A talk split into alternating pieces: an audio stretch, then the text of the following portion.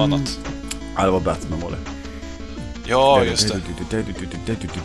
Eh, Ja, det här är Pixelpolare. Hej Lenny, det är jag som är Gassi. Hej, hej Stefan. Det är jag som är Lenny. Eh, eh, vi har ju haft vårt videospelskalas sen sist i alla fall. Ja, jäklar vad trevligt och kul det var. Vad mysigt. Både trevligt och kul alltså. Ni hörde det här först. Eh, vad tänkte jag säga nu? Ja, vad tänkte du säga? Ja. Jag vet inte. Fyll på. Nej. Jag vet inte. Det, Vi, det är avsnitt två. Ja, och vi spelade ju, jag spelade ju Mad City, eller Fredrik spelade Mad City. Fredrik Ratpack Cederqvist och klarade Mad City som vi pratade om i förra avsnittet. Alltså den eh, bättre versionen av Bayou Billy. Det såg lite lättare ut. Det såg en hel del Bayou lätt Billy. ut och det var eh, lite fuskigt lätt nästan. Nej, det var ju ett riktigt, ett riktigt spel skulle jag vilja säga. Nej, nej, nej, nej. Jag hade ju min kära kamrat eh, Tobbe som satt hos mig och spelade Berg och Billy igår. Han hade inte så jättebesvär med det. Men jag vet att man tog sig förbi första banan. Nej, precis. Det är ju kul att klara första banan i ett spel i alla fall. Men det måste ju vara lite utmaning. Ja.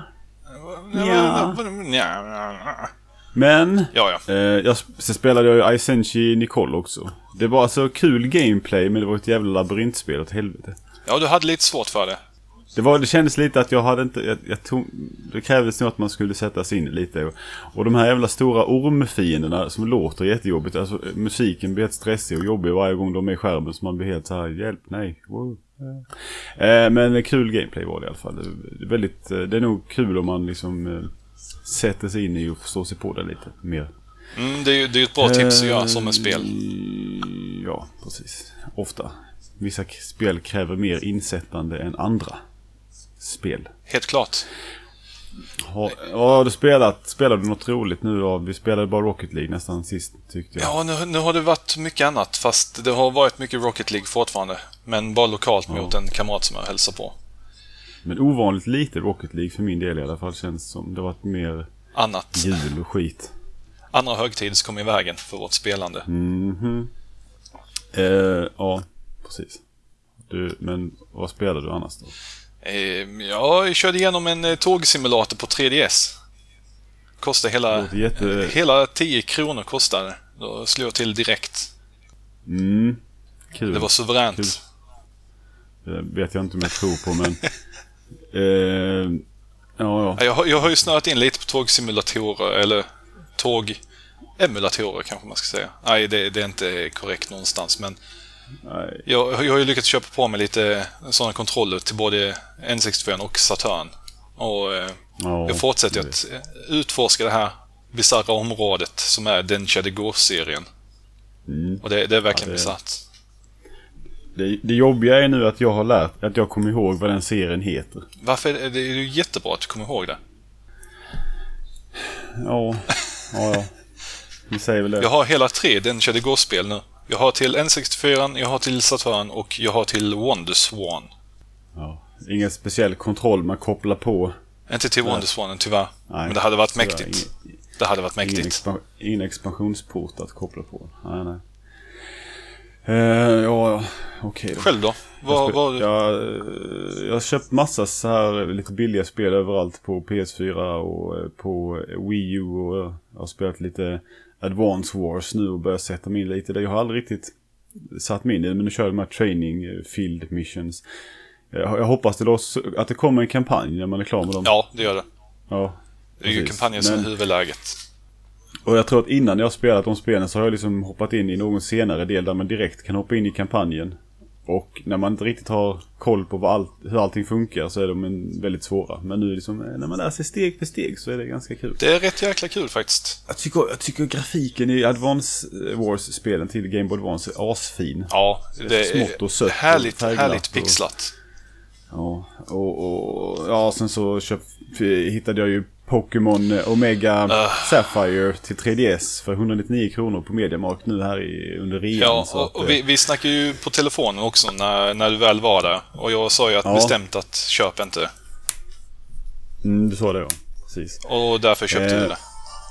Oj, oj. Ja, Fick, fick vi lite ljud från spelet också, eller? Ja, nu ah, har jag min... Eh, mitt i en strid här när jag öppnade upp min 3DS. Och Lowtoad han använder Absorb här för att besegra en Zigzagon. Ja, men... ja, vad kul det låter. Hurra, jag har aldrig haft så roligt. det är väldigt eh, lättsamt. Det, det, är liksom... Det är ju JRPG Strid Light. Ja, det är, det är så tråkigt med Pokémon. Oh. Ja, det är så söta Pokémon så. Oh. Så det, man kan stå ut med det bara för det. Nej. Man kan smyga på dem, vissa i gräset man ser dem sticker upp. Jättespännande. Ja, ja, vi skiter det. Ska vi gå på dagens avsnitt som är eh, fem ah. Amiga-spel till Mega Ja, varför inte? Vi kör väl på. Ja, och jag tänkte börja med att dra igenom lite kort historik för de två spelformaten. Mm, kör på. Så det, här blir lite, det blir lite monolog här. Jag ska försöka läsa min egen text utan att staka mig. Det hade varit förjävligt. Men... Ja, vi börjar med Amiga. Eh, Amiga 500 var uppföljaren på Commodores första Amiga, Amiga 1000 från 1985. Eh, Rock Lobster som den kallades under utvecklingen visades för första gången upp på Consumers Electronic Show i januari 1987. Eh, det var i mångt och mycket mer en uppföljare till Commodores populära Commodore 64. Den släpptes först i april 1987 i Holland och i maj i resten av Europa. Eh, till USA kom den då i oktober samma år. Mm. Mm. Ska, får, får, jag avbryta här? Ja, Rock Lobster alltså? Ja, det var kodnamn. Kan, eh, kan det här inte vara det bästa kodnamnet någonsin? Ja, jag vet inte. De verkade vara lite... Rock Lobster. Ja, jag vet inte varför. Jag är helt fascinerad över det namnet. Dolphin, pff. Revolution, pff. Rock Lobster.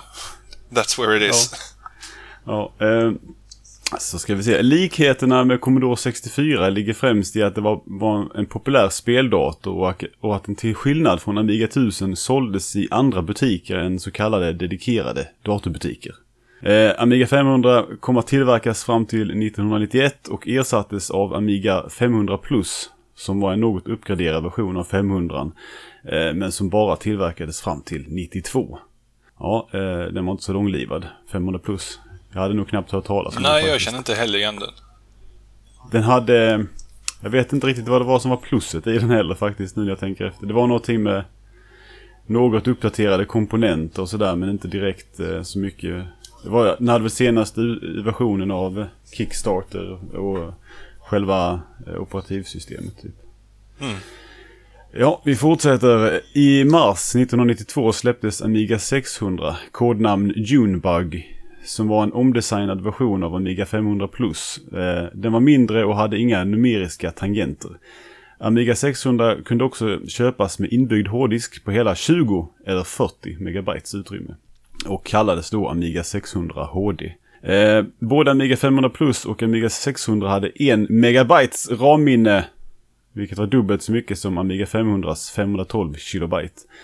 Eh, Amiga 600 tillverkades fram till 1993. Ja, hårddisk alltså. Ja. Inbyggt i datorn. Det var fantastiskt. Jag kommer ihåg en kamrat skaffade, eh, han monterade en hårddisk efteråt och det var ju helt underbart. Ja, och där framgick det att skillnaden mellan 500 och 500 plus var att plussen hade ju en megabits RAM istället för en halv. En megabyte. En megabyte såklart. Förlåt.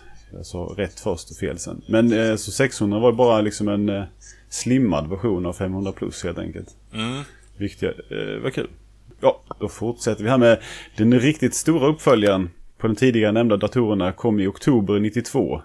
Eh, Amiga 1200 som den kallades hade 2 megabits RAM-minne. Megabyte. Megabyte, fan. Och hade kodnamnet eh, Channel Z. Ja, det var ju lite bättre kodnamn än Rock Lobster. Men jättemärkligt också. Ja. Eh, de tidigare datorerna hade byggt på en 16-32-bits Motorola 68000 processor. Amiga 1200 hade en 32-bits Motorola 68 EC020 och eh, var väldigt lik Commodores konsol Amiga CD32 under karossen. Den hade också en eh, tekniska likheter med samtida konkurrenten Atari Falcon.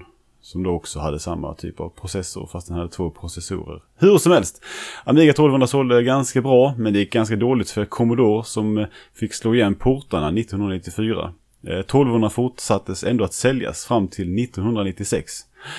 Och där var Commodore-eran slut. Mm. Hade du 500, 600 eller 1200 eller du hade flera när du eh, växte upp? Jag hade 500 och den hade ju, eftersom den hade en halv, eh, det var inte plus, för den hade ju bara en halv mega, eh, gigabyte. Megabyte. Men jag uppgraderade, uppgraderade ju den, man kunde köpa det här expansionsminnet som de flesta köpte sen, så man kunde, man kunde få de här, eh, man kunde spela skidmarks med, Eh, sk- Med skid marks. Precis. Det, det var väldigt vanligt tyckte jag bland mina kamrater. Och musik samtidigt i spelet också. Eller något sånt där. Jag hade ju aldrig en 500 utan jag fick ju en begagnad 600 eh, vid någon födelsedag. Och den hade ju som sagt ett Ja. megabyte. Men sen kunde man ju även trycka in mer i den. För det fanns ju spel som stödde det också. Ännu mer minne. Ja. Jag tror 1200 stödde upp till 6 megabyte ram faktiskt. Om jag minns vad jag läste rätt. Ja, ska vi ta en liten snabb historik på Mega Drive också när vi ändå håller på? Ja, varför inte? Kör på min kära Stefan. Ja, eh, under 8-bit-serien hade Sega åkt på storstryk av Nintendo. Deras Master System hade ersatt SG-1000 som släpptes samma dag som Nintendos kraftfullare Family Computer. Den hade starkare processor och videochip än Family Computer. Men kom för sent. Family Computer och NES hade redan tagit ett hårt tag runt spelarna.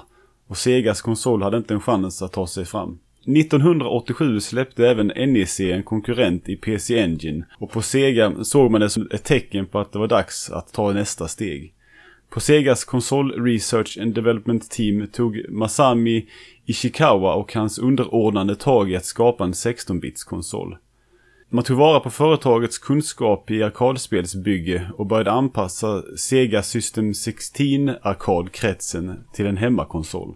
Precis som Amiga 500 använde man Motorolas 68 000 processor. Något man beslutade sent i utvecklingen. Man var då rädd att processorn skulle få för mycket att göra och slängde in en andra processor, en Zilog Z80. Samma processor som Master System, Gameboy och ColecoVision använde som huvudprocessor. Och som drev många av tidiga 80-talets arkadspel. Eh, Zilog-processorn användes först och främst till att processera ljud. Ja, jag har lite till här men... Ja, det, det var ju det, här, det, det är väl den här processordelen som är att den är lik Amigan då. Att den använder samma typ av processor som 500 Ja, antar jag. vi kan ju komma in lite på det. Jag vet inte om vi ska ta det stickspåret just nu eller om vi ska vänta lite med det. Nej, vi, vi, kan, vi kan vänta lite. Jag fortsätter här, jag har några rader till. Eh, konsolen annonserades i juni 1988 i japanska speltidningen Beep. Den kallades Mark 5. Men Sega kände att ett nytt namn behövdes och bland 300 förslag blev Mega Drive det som blev vinnande. I USA kom konsolen att kallas Genesis. Eh, av okänd anledning. Även om Sega inte kunde rå på varken NES eller dess uppföljare Super Nintendo i, i, i helhet så var den otroligt framgångsrik i delar av Europa och totalt dominerande i Brasilien. Där den än idag säljs som licensierad konsol. Eh, Den såldes fram till 1997 i andra delar av världen och följdes upp av Sega Saturn 1994. Din favoritkonsol? Ja, verkligen. Åh, Sega Saturn. Hurra, Den, eh, sa han hurra, glatt. tack. Jag förstår inte varför den skulle kallas Mark 5 för... Upp, Mark, Ja, vad hände med fyran? Jag vet inte, för Mark, Master System var ju Mark 3. Jag, jag vet inte om någon har skrivit fel där de har skrivit eller om... Eller och, kanske om någon av de senare versionerna av Master System kallades Mark 4 Ja, kanske. vi får inte glömma hur besatt populärt Master System är i Sydamerika också, precis som Mega Drive. Nej, precis. Speciellt i Brasilien där då båda konsolerna fortfarande säljs. De har ju inga så här eh, kassettportar längre men de har ju inbyggda spel de man, de man köper där. Just Jättemärkligt. Alltså Brasilien har ju samma nostalgi över Master System-spel som vi har för NES-spel, rent generellt. Vilket är väldigt konstigt. Ja. Eh, det, det, var, var den billigare eller var, varför blev den så jävla populär där? Eller jag vet inte. Nej, det är nog ett område som är helt eh, blankt, som vi behöver göra lite utforskningar. Ja. ja, det är jättemärkligt. Jag har ändå gjort ett eh, dokumentärspielavsnitt om Master System men det verkar mest bara, det enda de hittade att det var jävligt populärt. Och jag vet inte om det var just för att de här eh, eh, Tectoy var så engagerade i att porta spel, alltså översätta spel och sånt just till, till dem där. Mm, Så att, det blev, att den blev populärare därför. ja, de körde på jäkla i. Ja, det är de som fortfarande säljer de maskinerna.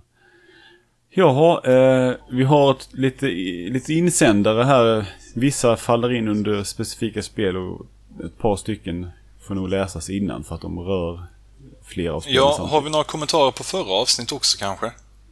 Nej, det har vi inte. Hur mycket El Kebabo vill eh, tro att vi har det. Nej, Är du säker på det? Har vi inte någonting på... Jag ska ta och kolla här. Jag för mig att vi har någonting på eh, videospelsklubben.se. Okej, i och för sig har jag inte kollat på videospelsklubben.se så att eh, eh, vår kära hemsida där jag borde ha kollat först kanske. Eh, Ja, det är strångt jobbat. Eh, Jo, ja. jo då, vi har två kommentarer här. Okej, Eh, Jag hade rätt för mig. Vi kan ta dem lite snabbt. Om förra avsnittet alltså. Det är Marcus Fredin som har skrivit Fan vad trevligt att ha er tillbaks. Återkommer när jag har lyssnat längre än introt. Blev tvungen att pausa och skicka en hälsning. Ja, det är ju jätte... och sen återkommer han. Nej, jag vet inte om han satte kaffe i halsen för att vi var kassa eller för att vi var jättebra eller... Nej, det låter Ja. vi osagt.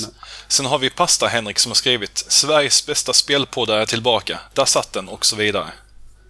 Mm, ja, ja, alltså vad ska man säga? Ja, tack. Jag, är- jag är så, så glad och ödmjuk så jag vet inte vad jag ska ta vägen.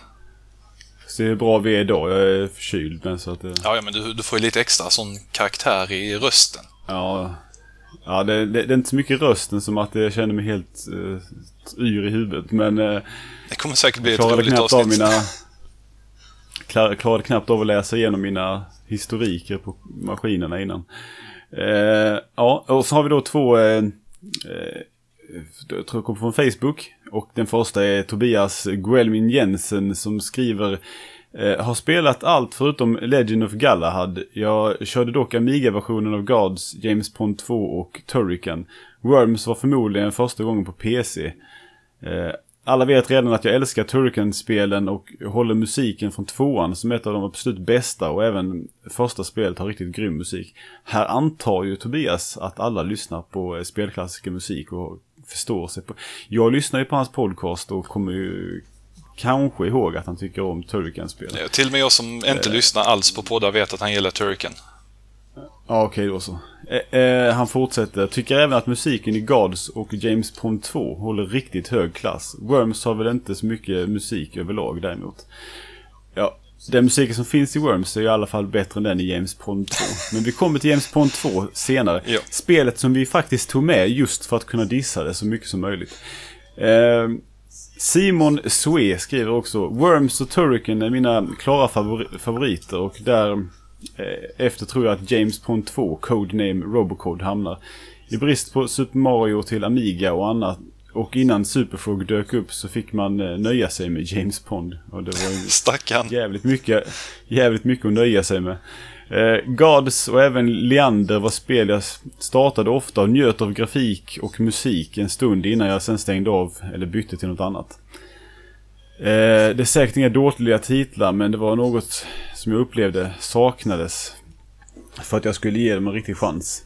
Det ska bli kul att höra vad ni känner för detta spel idag.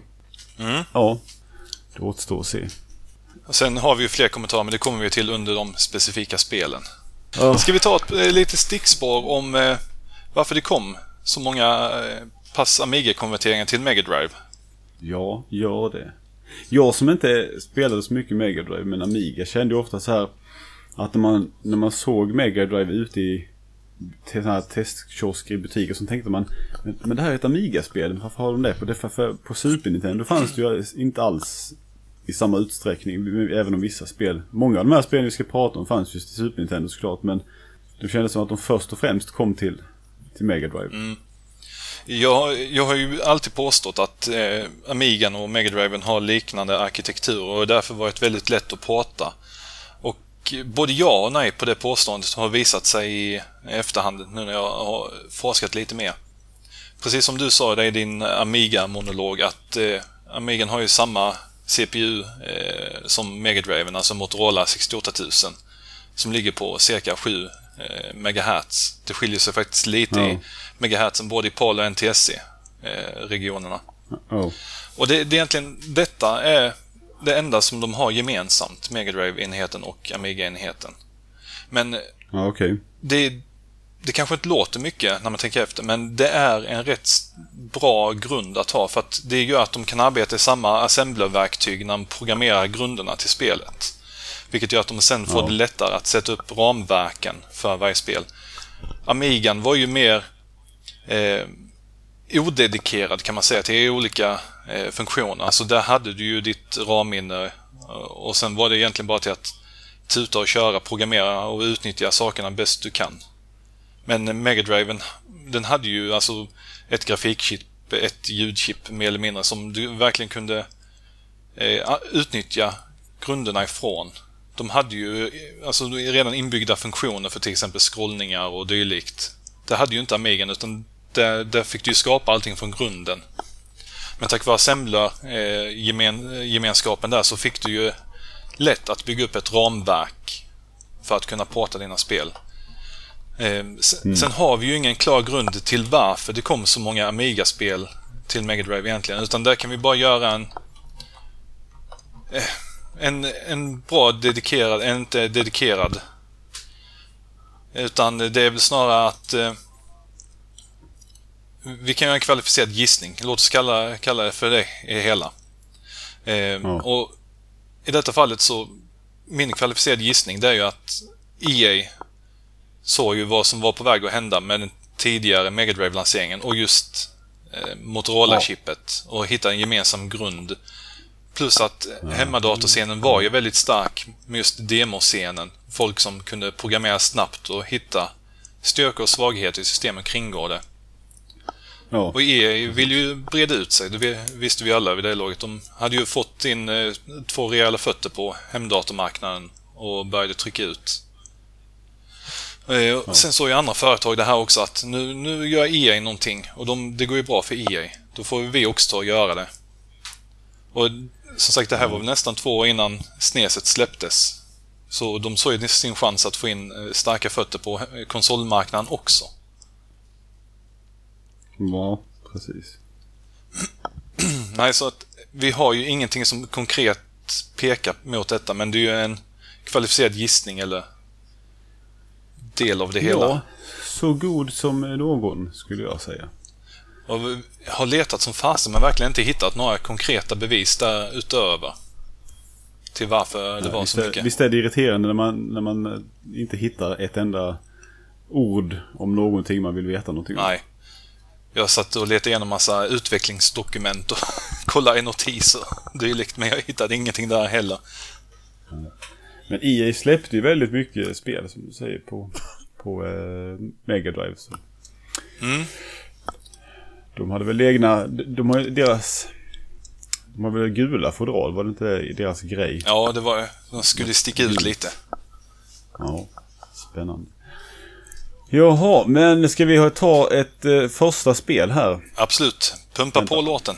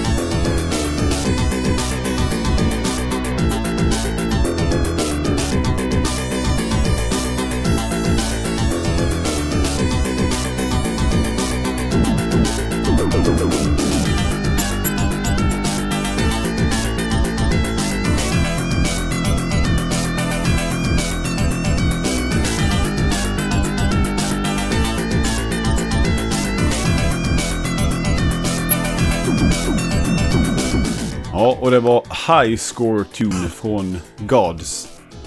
Och eh, Bra låt. Gods är det Goda! Som det skulle heta på danska. Eh, Låter mer som en ost. i mars. ja, det är sant.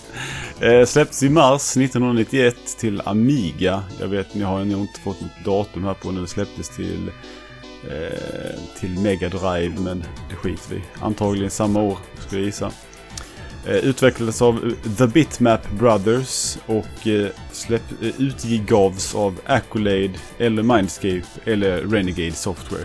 lite olika, på olika i olika regioner och sådär som vanligt. Ja, jag har en liten kort eh, historik för The Bit Bitmap Brothers här om du vill höra. Absolut, kör på. Bitmap Brothers är ju trevliga. Eh, ja, eh, The Bitmap Brothers grundades 1988. Eh, deras första spel var shoot em up-spelet Xenon som eh, följdes av Speedball samma år. Eh, företaget grundades av Mike Montgomery och Eric Matthews och Stephen Kelly. Det kom ett och för mycket men skitsamma. The Bitmap... Bla, bla, bla, bla, bla. The Bitmap Brothers kom också att bli kända för sin är säregna grafikstil. Den skapades av grafikerna John Coleman och Dan Molloy.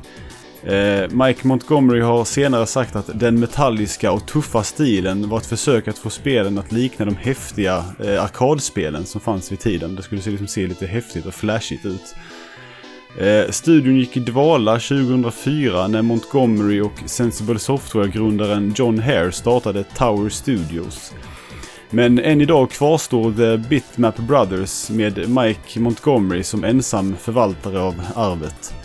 Eh, några omsläpp av deras gamla spel som Speedball 2 och Z är vad som har kommit från studion på senare år. Eh, 2011 uttalade sig Montgomery om att eh, han gärna hade velat göra uppföljare på spel som Gods och sådär men eh, det är lite svårt att få pengar till det tydligen. Man är också kända för The Chaos Engine till exempel. Ja, Mm. det var lite, lite kort om Chaos dem. Engine. Åh, så bra där. Och Renegade Software som släppte deras spel var ju grundades ju av Bitmap Brothers 1991. Då för att de ville publicera sina egna spel för de var trötta på andra eh, publicister. Helt enkelt. De ville liksom ge... De ville inte ha den här att eh, någon skulle bestämma över deras spel och sådär. Så att, eh, och ge andra möjlighet att släppa spel under dem så att de inte heller behövde... De liksom tvingade inte dem att eh, nu ska ni göra så här med spelet eller så här. Ska vi ta, ta ett litet, litet stickspår här igen, direkt? Det här är ju... Mycket gärna. Det här är ju faktiskt det första Accolade-publicerade spelet efter eh, eh, Sega vs Accolade-stämningen vid 91. Och är det någonting... Häll upp kaffe, ja, nej, men det kör på bara. Är det någonting du känner Ja. till det här? Nej, det får du gärna Ja, berätta ja men då, då Det kör jag lite snabb historik. Eh, Ja, ska vi se, bara påminna mig lite. Jo, eh, Accolade började släppa i olicensierade spel till Mega Drive. Eh, det första spelet var Ishido Way of the Stones, så det, du vet ju vad det här kommer barka hän. Eh, man ska ju veta att, att Sega var ungefär lite som Nintendo här. De hade ju kopieringsskydd och grejer så att de själva bara skulle liksom trycka kassetterna. ja, de vill ju ha in sina licenspengar ju. För att få släppa spel så är du tvungen att betala licenspengar. Eh, men Ja. det, det struntar ju Accolade gladeligen i. Eh, reversed engineerade deras eh, Mega Drive och började släppa spel. De släppte först Ishido Way of the Stones under sitt eget namn Accolade.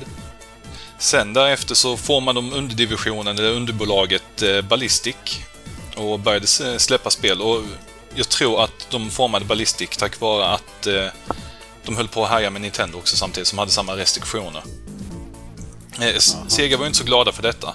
Och de sa ju “Sluta nu, Accolade. Sluta. Vi stämmer er.” eh, Accolade svarade upp direkt mot eh, Sega och faktiskt motstämde dem. Eh, första delen vann Sega, men överklagningen så vann faktiskt Accolade. Eh, och eh, därifrån så har vi ändå rätt bra domslut att eh, man får reverse engineera så länge det inte undersett att du behöver ha en annan enhet. Så, så länge som du har enheten, ja, alltså att enheten krävs, i detta fallet Megadriven, så får du egentligen släppa vad fan du vill till den. Det betyder att den tidigare liknande domen var ju Nintendo mot... Eh, eh, Atari, ja. Tengen. Tänk, Atari Tengen ja. Och där vann ju Nintendo. Även om de, de faktiskt gjorde upp innan domen föll. Så det hann ju aldrig falla någon dom i det fallet. Men eh, där verkade det som Nintendo skulle vinna. Men det är ju exakt samma Princip på det grej hela. nästan. Ja, precis. Eh, det, det slutade som sagt att Accolade faktiskt vann. Och eh, sen struntade de i Ballistics för att det behövdes inte längre. Och därför började de släppa Accolades eh, publicerade spel igen under sitt eget namn. Och Gods är första Accolade publicerade spelet efter den här twisten. Ja, okej. Tillsammans då med Renegade Ja. Software. Jag har för mig att det beror på region också. I detta fallet, om det är Renegade eller inte och så vidare. Ja. Eh, ja, ska vi prata lite om spelet i sig. Eh, jag har kollat upp lite folket bakom. Musiken eh, gjordes av John Fox och hans grupp Nation 12. Eh, de gjorde även musiken till Speedball 2, Brutal Deluxe. Eh, han var någon brittisk musiker, någonting, någonting, jag vet inte. Nej, det är väl inte Ingen jag har talas om det är väl inte så jättemycket att säga. Det är trevlig musik i spelet. Nej. Ja. Eh, omslaget till spelet tecknades av serietecknaren Simon Baisley. Känd för han har tecknat mycket ABC Warriors, Lobo och Slain. Eh, sådär. Fint omslag Mm. i alla fall. Och spelet designades av Eric Matthew, eh, alltså en av eh, grundarna av Bitmap Brothers och Steven Tall som även programmerade spelet. Eh, Matthew stod även bakom spel som Speedball 2, The Chaos Engine och Singstar. Du var tvungen till att lägga till Singstar i slutet bara för att understryka. Ja, han verkar vara ensam skapare av Singstar-fenomenet så att det var ju kul att... Eh, intressant. Det var, sen, sen Bitmap Brothers-tiden så verkar han inte ha gjort så mycket direkt speldesign men Singstar han... Eh, Smacka Han till gjort den. flera av titlarna. Men framförallt då första Singstar från 2004. Eh, ja, okej. Det är ju ett action Plattform. pusselspel, plattformspusselspel kan man väl säga. Mm. Eh, med fräsig grafik. Introt till Amiga är ju snyggare tror jag än till Mega Drive men eh, i stort sett samma utseende på dem. Storyn som direkt tagen ur manualen är följer, följer här. Det blir lite engelska här. The Story står det. A city lost in legend. An unconquered warrior seeking reward. A challenge laid down by the gods. The greatest prize of all. Immortality.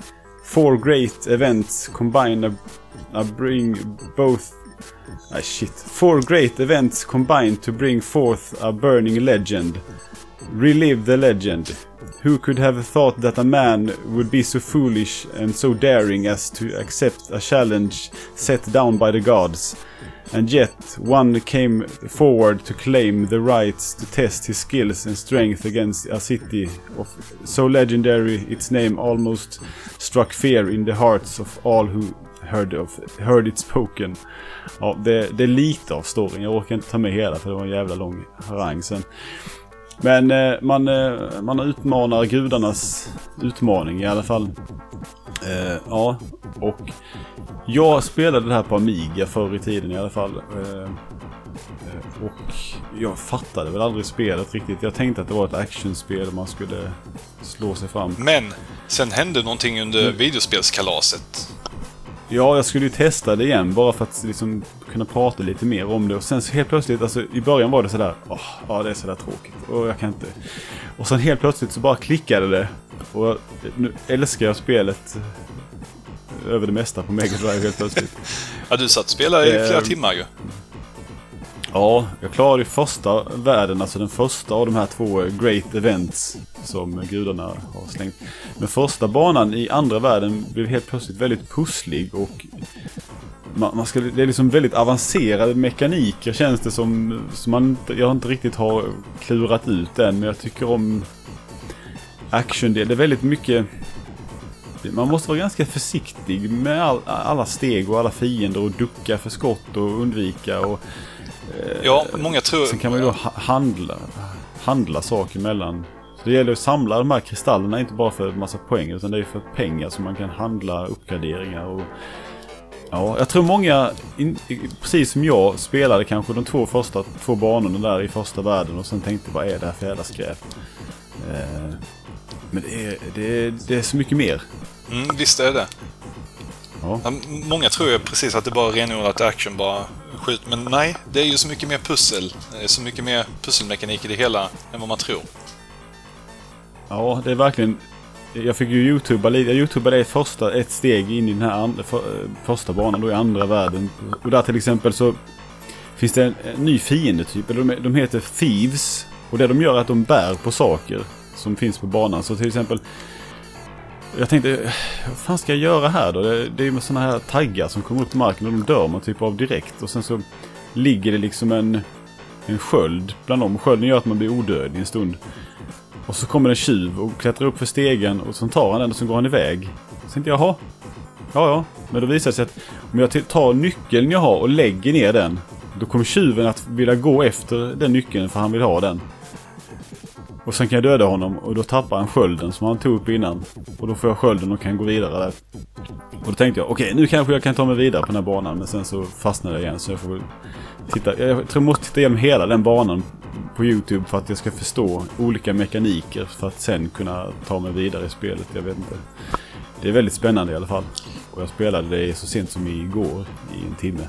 Det, det är ju ett spel där svårighetsgraden anpassas efter hur spelaren eh, lyckas också.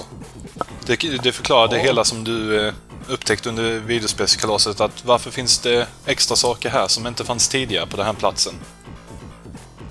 Ja, men det är också sådär att till exempel första gången jag var på den banan så fanns det inte vissa taggar och sånt. Men de har alltid funnits där alla andra gånger efteråt. Vilket är lite märkligt. Men då har, det, det, då har jag skrivit in ett lösenord och då kanske det inte har tidigare misslyckanden med, med sig. Jag vet inte. Nej, det är mycket men, möjligt att det är så. Ja, det, är väldigt, det programmerades av eh, tidigare nämnda Mike Montgomery då. Eh, och han var väl lite nöjd med det här systemet. Till exempel så om, det, om, om, om man inte kommer någonstans på stunden så börjar det som trilla ner sådana här eh, liv power-ups som fyller på energi och extra liv och grejer. Och då står det typ eh, help bonus eller något sånt. Eh, men eh, jag tycker verkligen att om man har möjlighet att spela Gods så då ska man testa det lite och ge det lite en chans och liksom försöka... Man duckar för fiendernas skott, man hoppar inte över dem till exempel. uh, uh, ja, det... lite svårare i NTSC-utförande för att de skjuter jävligt mycket snabbare. Ja, mycket, och mycket mer svårare att tajma. Mega Drive-versionen är ju dessutom snabbare än Amiga-versionen. Samt att de har lagt till i Mega Drive-versionen att karaktären kan hoppa rakt upp istället för att alltid hoppa framåt när man hoppar. Alltså ett vertikalt hopp istället för horisontellt. För det kan han inte i Amiga-versionen alls. Det kan ha varit en av anledningarna till att jag, jag inte gillar den versionen speciellt mycket. Likadant... Men det är sällan man egentligen behöver hoppa rakt upp också ja. i och för sig. Men... Nej, men utöver det så har de även högre upplösning i spelet, vilket gör att de kan ha en liten eh, informationsbar längst ner i Mega versionen som visar föremålen. Det finns inte heller i Amiga-versionen. Nej, det ser lite annorlunda ut. Och det, det, det, är synd att spelet verkar... Alltså det, förutom de där formaten, det, kom, det kom väl till eh, Atari ST och sånt med på den tiden. Men eh, det har ju inte släppts på något modernt eh, format. Det finns till Super Nintendo också. Eh, och det är lite synd, men eh, jag vet inte hur svårt det är att få tag på egentligen om det är dyrt till något format. Men jag tycker det är ett spel som är värt att spela i alla fall. Ja, framförallt så är det ju musik under spelet nu, till skillnad från Amiga-versionen. Det är det inte heller. Nej. Jesus. Vilken kass version vet ni. Den, den ska man inte spela i alla fall. Men den är svårast att spela och få tag på överhuvudtaget. Så den kan man skita i då. Eh, ja, och Mike Montgomery sa ju också då att precis innan eh, man eh, la företaget i dvala så fanns det faktiskt planer för Gods 2 men man, hade, man kunde inte få tag i pengar till att utveckla det. Så det, någonstans finns det utvecklingsdokument antar jag då för att Gods 2 hade varit intressant att se vad det var för för spel. Det hade varit kul. Det var liksom, om det var tredimensionellt eller om det var... Ja, spännande. Ett litet underskattat spel helt enkelt. Och det är ju extra kul att du nu har börjat upptäckt det och börjat gilla det. Ja, det, jag, hade, jag tog med lite där för jag skulle prata om hur mycket jag ogillade det förr. Eller, men det var ändå ett sånt spel som jag ofta startade men sen aldrig kom någonstans i. Det är ju fint och det är ju väldigt bara... mycket Bitmap Brothers över grafiken. Ja, det är det här som vi pratade in här. Det är mycket metalliskt och blänker och det är liksom hårda kanter kan man säga. Eh, ja, och det var ju någonting då. De pushade på. Man, man, man, känner, man känner igen ett Bitmap Brothers-spel. Helt enkelt. Det gör man. Ja. Ja, andra spelet låter typ så här.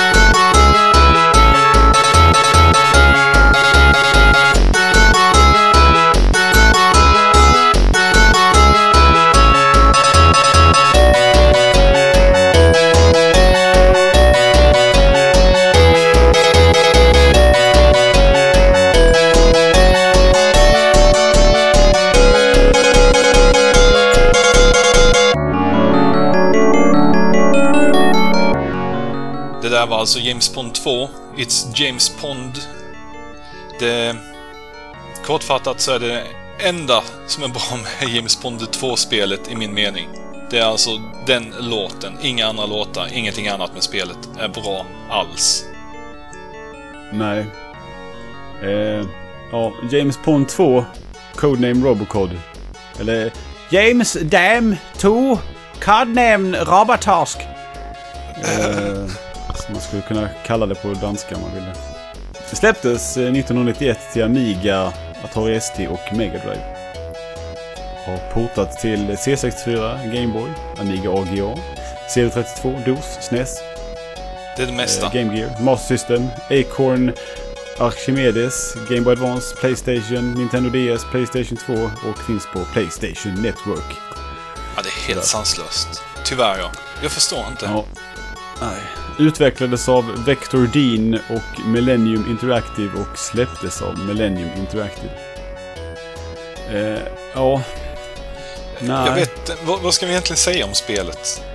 Jag vet inte, vi börjar här med ett, eh, en insändare från eh, Andreas Melberg. Den, det enda spelet eh, av de här som jag har kört är Worms och James Pond 2 skriver han. Och eh, varav det sistnämnda tyckte jag var kul när jag var yngre. Eh, I äldre dagar eh, är det inte lika kul tyvärr, men skit i det. För ni är äntligen tillbaka. Tacka fan eh, för det. Det var det bästa. Det, men, ja, det bästa var att vi är tillbaka, inte att vi pratar om det här skitspelet. Nej. Ehm, ja, utvecklat av Vector Dean alltså. Vad har Vector Dean mer gjort? Undrar såklart ni som lyssnar.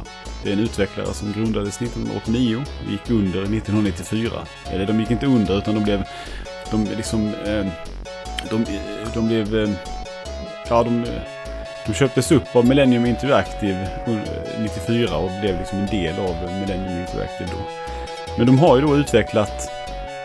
Eh, ja, alla de tre James Pond-spelen. Eh, James Pond, Underwater Agent från 1990 och eh, ja, då det här då James Pond 2 från 91 och James Pond 3, Operation Starfish från 93. Och även eh, Super Aquatic Games. Lite annan skit som inte är värd att nämna. Eh, nej, alltså det, James Pond 2 känns ju som ett spel som... Ett, ett sånt där Mega Drive-spel som de flesta känner till av någon jävla anledning. Ja, likadant att det är ett Amiga-spel som de flesta känner till.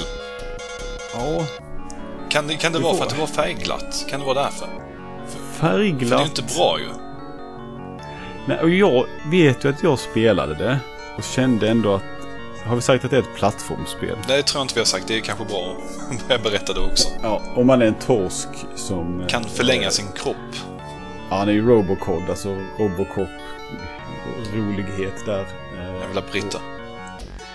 Ja, det... Och jag tyckte väl kanske att, jag- att det var kul då. Jag klarade ju aldrig det här spelet såklart, för det finns ju typ 3 miljarder banor i det. Eh, och det är ju... Ja, Jag, jag blir bara arg jag tänker på spelet. Jag vet inte vad jag ska säga riktigt, för det är så... Jag, jag kan ta en kommentar från Joakim Olsson här. Han, han gillar James Bond 2. Ja, Han skriver precis. Jag gillar James Bond 2 för att det ger mig starka minnen till barndomen. Gillade banorna och att det var ett så pass lätt spel att spela som liten och alla gömda saker och fordon man kunde köra. Det var helt nytt för mig när jag var liten. Fick ju både Mega Twins, James Bond 2 och Rodland i julklapp i samma paket. Första gången jag fick ett spel i julklapp. Sen gillade jag musiken. Visst, det var lite svårt när man var liten kanske, men det var ändå lätt att köra det med joystick. Ja. Jag har ju spelat Megadrive-versionen här eh, bara för någon dag sedan. Jag vet inte om jag tyckte det var varken lätt eller kul. Kul är det definitivt inte. Det är... Okej, vi börjar med det rent grafiska så är det väldigt, färgglatt. Problemet är att bakgrunderna är lika färgglada som spellagret eh, liksom, när man spelar. Så det, allting bara blandas ihop i en enda röra. Eh, Jag har ett väldigt bra ord för det. Det är anskrämligt. Ja, till exempel på någon bana så är det är som stora teddybjörnar i bakgrunden som är gigantiska och exakt lika färgglada som teddybjörnarna som sitter i banan på framsidan. Och det är... Grafiken i James Bond 2 är antagligen det mest vedervärdiga som finns till 16-bits konsoler genom alla tider. Det är alltså så fruktansvärt hemskt att titta på så att... Det ser ut som att någon har misshandlat gröt blandat med karamellfärg. Ja, alltså jag vet inte vad jag ska säga mer. Och, och, och vad är det för... Kon... Det, det är ju typiskt sånt här också, europeiska eh, utvecklare som ska göra plattformsspel, att man ska samla på en massa skit. Det är telefoner, kranar, teddybjörnar, pingviner, eh, böcker, t-shirts. Eh, liksom allt som bara... Ja, vi, Allt mög. bara, och så får man poäng för det. Och det finns överallt och det är stjärnor. Stjärnorna får man i och för sig energi och, och så är det där typiska också att vi kan inte bara ha en vanlig energimätare utan James Pond ska stå nere i hörnet med gröna piller i handen eller någonting som en mä- äh, mätare då. Och sen som med andra handen så håller han upp fingrar som markerar hur många liv man har kvar. De var ju tvungna att göra, göra det extra flashy och fancy. Och sen när man har mindre energi så ser han liksom lite smått misshandlad ut. Eh, Och det, det är fullt av jävla leap of faiths hela tiden spelet. Allting är det. Överallt. I En bana jag spelade så, så är det liksom... Man kan hoppa över massa ställen. Alltså det är många ställen där man, liksom, man kan hoppa neråt för att man ska komma vidare. Men just här så är det i alla de här groparna så är det taggar som man dör av. Men när du har råkat falla ner i den här gropen då kan du inte hoppa upp igen. Så du får bara vänta tills du har tagit skada och dött. Suverän speldesign. Suverän speldesign. Ban, bandesignen, det, det är liksom bara, vi bara slänger upp massa skit och sen ska du försöka... Och, och han kan ju det här med, om man står stilla på marken så kan han ju sträcka upp kroppen hur långt som helst tills han tar tag i tak någonstans så kan du klättra vidare. Men kroppen måste ju åka med upp och träffa en fiende kroppen under tiden så trillar han ner. Idioten. Och... Ja, Ja, Jag blir upprörd bara jag tänker på det och du berättar om det. Åh. Va, va, varför envisas folk med att spela det här spelet och varför tycker folk att det är bra? Nej, men grejen är att jag tror inte folk har spelat spelet sen de gjorde det förr i tiden. Och jag, jag kan på något sätt förstå att det var väldigt, alltså det är lätt kontrollerat. Du kan hoppa och du kan göra den här fälla ut kroppen-mekaniken. Så att det var ju ganska simpelt och du har väl oändligt med continue. Nej, det har du inte heller för du har tre continues i spelet. Och det finns en miljard banor. Det finns... Så hur... Kan no, no, ingen kan ju någonsin ha klarat det här som barn. För det, jag, jag gick in i tre sådana här dörrar och klarade, jag vet inte hur många, om det är tre banor i varje eller något sånt här. Och sen kom jag till någon boss. Och sen så och tänkte jag, jag ska hissa upp mig, jag hissar upp mig liksom till överst i hela det här stora bygget. Alltså det finns ju hur många dörrar som helst att ta sig in i. Ehm, Jag har storyn ur manualen här. Ja, kör på den. Det kan inte bli värre. Uh, Pond, Dr. Maybe is back. We have learned from Washington and the Kremlin that he was he has taken over the, the central toy factory on the North Pole and has sabotaged uh, an unknown number of toys dis- uh, disguised as penguins with tiny but lethal explosive charges. If they are not diffused within 48 hours, they will be distributed throughout the globe and wreak havoc uh, through uh, Xmas. Vänta här nu. Om de vet att det finns bomber i de här pingvinerna. Varför skulle de då skicka ut dem? Nej, jag har ingen aning. Ja, och grejen är att det, det är sådana lite större pingviner som du måste springa på så de trillar väck. Och då, då låses den här exit-skylten upp på banan. Så du kan eh, klara. Eh, your mission is... eh, eh, your mission is tough but straightforward. Infiltrate the factory and render the penguins safe. Here are your mi- mission assignments. Ah, vi skiter i det. Ja, st- stå inte... Ja. Vi lyssnar på nästa låt helt enkelt. You will need your new Robocod Extendo suit to aid you in your mission. Nej. So dust off and grease it up. Ja, fortsätt inte, fortsätt inte nu. Ja, det, ja, det, var, det var slutet på hans eh, briefing. Ja, nej, alltså giss, ja, eh, men det finns alltså på PSN så om man nu vill... Plåga sig lite. nästan, jag skulle nästan uppmuntra folk kanske, är det på, jag vet inte om det är på Playstation 3 man kan spela det då eller hur det ligger till men om man då vill, bara för att kanske sluta då säga att det här är ett kul spel så kan man ju då köpa det då och sen spela det lite så man verkligen får veta att det, det är fruktansvärt.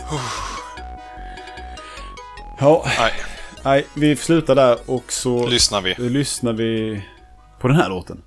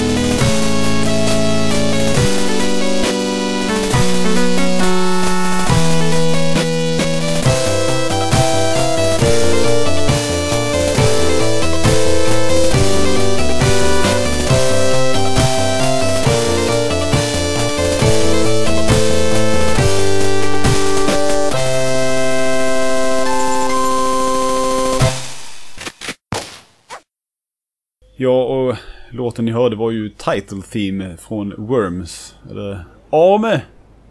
Eh, Som danskarna hade sagt. Det är ju enda låten som finns i spelet i Mega Drive-versionen dessutom. Ja, finns det mer låtar i Amiga-versionen? Jag, jag tror att det finns eh, i varje fall lite bakgrundsbrus och lite ambient, ambient i varje fall. Okej. Men här, Eh. det är ingenting mer i Mega Drive-versionen än den här låten. Okej. Det släpptes eh, 1995 till Amiga, CD32, Gameboy, Mac, Mega Drive, eh, PC och så vidare och så vidare. Eh, och har ju sedan dess släppts i allt möjligt annat. Ja, det, det är ju ett suveränt spel i grunden. Jag spelade det på PC, jag har aldrig spelat på Amiga. Eh, Det var, det var ju så sent på Amiga med som att man... eh, Det var, det var svårt att få tag på. Jag Eh, körde Playstation-versionen. Eh, utvecklades av Team 17 och eh, eh, utgavs av Ocean Software i alla fall. Mm, och det blev portat till Mega Drive av East Point Software. East Point Software. Eh, ja, precis. Eh, lite kort historik för spelet var att eh, ja, det skapades av Andy Davidson i alla fall och eh, det började med att han att han skulle, han gjorde ett spel som ett bidrag till Blitz Basic Programming Competition i Amiga-tidningen Amiga Format. Eh, spelet hette då Total Wormage. Och han vann inte tävlingen men han gick vidare och då försökte få någon utgivare att vilja liksom eh, lägga pengar på spelet. Men det, det gick inte så jättebra. Men eh, han tog med spelet till European Computer Trade Show där han träffade Mark Foreman som var Head Games Buyer på G- GEM Distribution. Och han tyckte att han skulle prata med Ocean eh, och Team 17 som också var på mässan för att det verkade vara ett spel som de skulle kunna tycka om. Och eh, det gjorde de också för de skrev kontrakt på att utveckla och publicera spelet på, på mässan. Ja, det är inte dåligt. Det är rätt schysst. Ja. Jag vet inte hur, hur mycket spelet skildes, alltså om hur mycket han hade utvecklat det just då eftersom de sen fick utveckla färdigt spelet på Team 17. Det var nog mycket finlir i det hela. Som jag har förstått i mina eh, efterforskningar så hade han hela grundkonceptet färdigt. Ja. Och han, han programmerade och stod för animationerna också i spelet. Grafiken gjordes av Rico Holmes och musiken av Björn Lynne. Mm. Rolig lite fakta här om när han utvecklade första versionen, Total Wormage. Så för grafiken så eh, skapade han ett program som rippade eh, ramminnet och kunde därmed plocka ut grafiken. Så han, han satte igång Lemmings och rippade grafiken och använde Lemmingsgubbar för att bygga upp sin första prototyp. Ja, Åh, då slapp man rita grafik själv. Ja. Det var ju smart. Men sen insåg han ju att det här kunde han inte släppa med Lemmingsgubbar, var tvungen till att rita om. Ja. Men med små, små maskar Ja. blev det i alla fall. Ja, alltså första versionen, alltså egentligen alltså alla Worms som har kommit efter första Worms är bara grafiska uppgraderingar. Alterationer. Och ja, de första Worms var ju väldigt få antal pixlar. Det var ju inte så att så de, de, de moderna spelen har ju mer så här att man ser deras ansiktsuttryck och det ena och det andra. Och, men just det här med att banorna var väldigt, alltså var förstörbara på samma vis fanns ju redan i första spelet. Just Worms 1 är ju är ett av de absolut bästa Worms-spelen tack vare att det är så det är så enkelt, det är så simpelt. Det är väldigt tillbakahållet. Du har inte mycket att arbeta med. Och det är just det som Nej. gör det perfekt nästan. Ja. Eh, och medans resten av Team 17 då eh, började utveckla Worms 2 så gjorde Davidson på egen hand en specialversion av Worms som hette The Director's Cut som släpptes 97 då och den släpptes först bara till Amiga. Men den har ju släppts senare, för jag har ju spelat Playstation-versionen av Director's Cut ganska mycket. Eh, det var väl en, ja, det var helt enkelt en upphottad version av första spelet.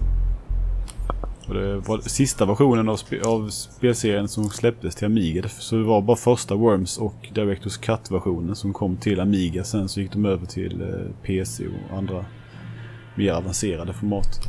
Och det här var ju också ett väldigt sent släpp till just Mega Drive. Ja så, när släpptes det till Mega Drive? Det har vi inte... Det har varit 95 i och för sig såklart. Som alla andra versioner. Ja, jag, jag tror att det kan ha varit faktiskt 96 till och med det släpptes. Okej. Och Ja, det, det är ju väldigt sent. Med tanke på att Mega Drive släpptes eh, 88 så... Ja, sen vi kan gå in på lite skillnader i Mega Drive-versionen. Eller först och främst ska vi kanske säga att East Point Software, de har portat massa Tintin-spel. Tata! Ah, Har, har de, är det Tintin i eh, Tibet-skit och ja. de här skräps... Ja, jag, jag ble- blev mer och mer upprörd när jag satt läste på om East Point Software. De verkar ju tyvärr ha varit sådana som har fått att porta skräpspelen. Men, Ja. men Jag har alltid undrat hur, kul är det att jobba på ett sånt där företag. Det enda du gör är att sitta och du tar andras skräpspel. Inte bara att du tar andras spel och ska göra om dem till det. Det kanske var spännande om, om ett populärt spel du skulle ta och porta över till ett annat format. Men om du ska ta ett spel som ingen tycker om och ingen bryr sig om. Så ska du liksom bara föra över det till ett annat format. Fan, det, det är fan inte kul att åka till jobbet då. nej, jag förstår inte alls hur de kan ha levt med sig själva. Ja, vi, vi har ett Tintin-spel här. Låt oss porta det till åtta olika enheter.